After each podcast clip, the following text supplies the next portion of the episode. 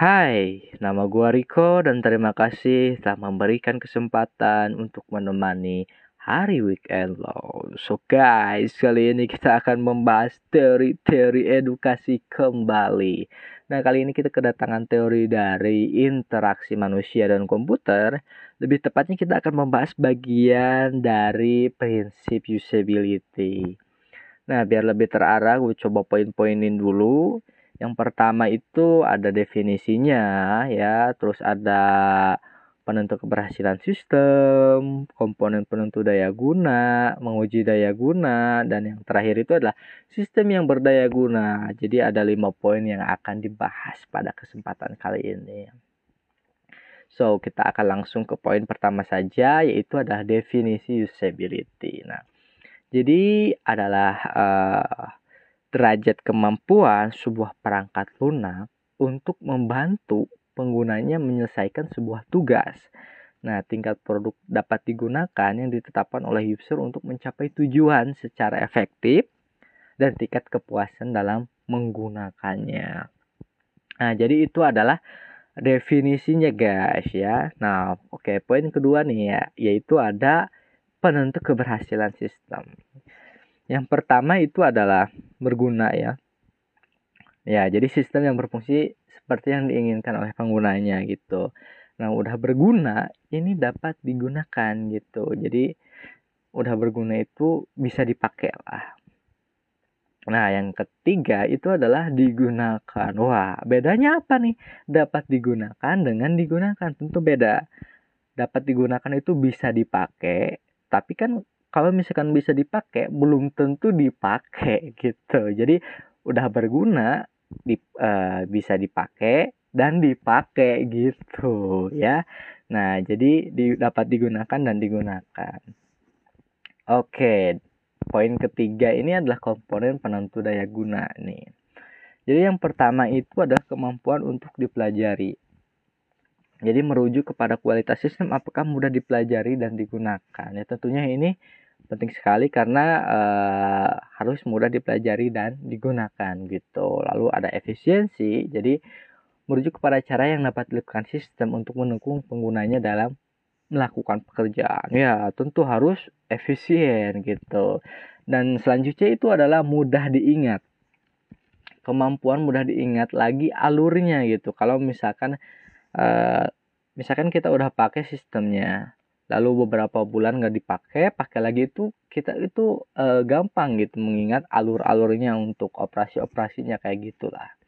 Lalu di sini ada kesalahan dan keamanan gitu melibatkan perlindungan kepada pengguna terhadap kondisi dan situasi yang tidak diinginkan ataupun berbahaya. Wah itu tentu harus juga Nah, langsung yang terakhir itu adalah tentunya kepuasan.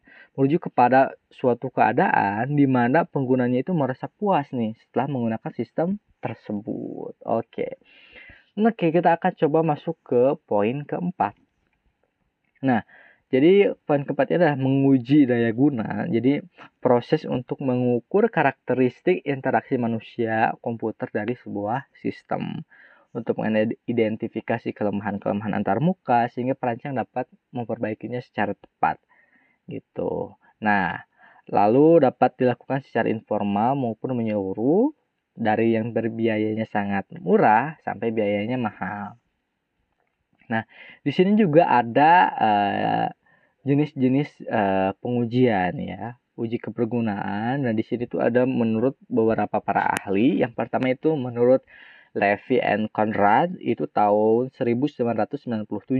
Lalu yang kedua dua keduanya itu adalah menurut Hilbert dan Red Miles gitu ya. Tahun tahun 2000. Nah, menurut uh, Levy and Conrad ini tahun 1997 nih. Yang pertama itu adalah uji eksploratory itu bertujuan untuk menguji sebuah sistem dan mencari titik-titik di mana penggunanya mengalami kebingungan, kesalahan, dan unjuk kerjanya melambat. Lalu yang kedua adalah uh, threshold testing, yaitu digunakan untuk mengukur kinerja terhadap terhadap, terhadap uh, sejumlah sasaran yang ditentukan terlebih dahulu gitu. Uji ini merupakan uji lolos ataupun gagal. Nah, yang ketiga adalah uji perbandingan untuk mengukur karakteristik kebergunaan dari dua pendekatan atau rancangan untuk menentukan rancangan yang lebih cocok bagi pengguna.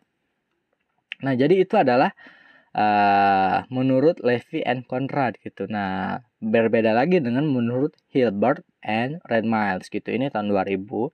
Jadi menurut beliau itu ada dua, uji formatif dan uji sumatif. Uji formatif itu adalah memberikan umpan balik ke perancang sistem terhadap rancangannya. Nah, uji sumatif adalah memberikan penilaian terhadap produk jadi untuk mengukur peningkatan uh, yang telah dilakukan terhadap produk sebelumnya atau untuk membandingkannya dengan produk sejenis dari perusahaan lain. Oke, dan ini poin yang telah terakhir yaitu sistem yang berdaya guna. Nah, pembahasan dan uh, pengujian daya guna yang dilakukan dengan benar akan memberi manfaat terutama dari sudut penghematan biaya pembangunan sistem. Nah, sistem yang memiliki daya guna yang tinggi ini ya dapat ada tiga nih. Yang pertama, mengurangi biaya pelatihan. Yang kedua, yang kedua adalah support konsum. Yang ketiga adalah meningkatkan kepuasan pengguna. So guys, itu adalah uh, pembahasan-pembahasan tentang teori dari prinsip usability gitu guys ya ya mudah-mudahan bisa dipahami dan juga bisa bermanfaat Oke, uh, kita ketemu lagi di next podcast. See you and bye bye.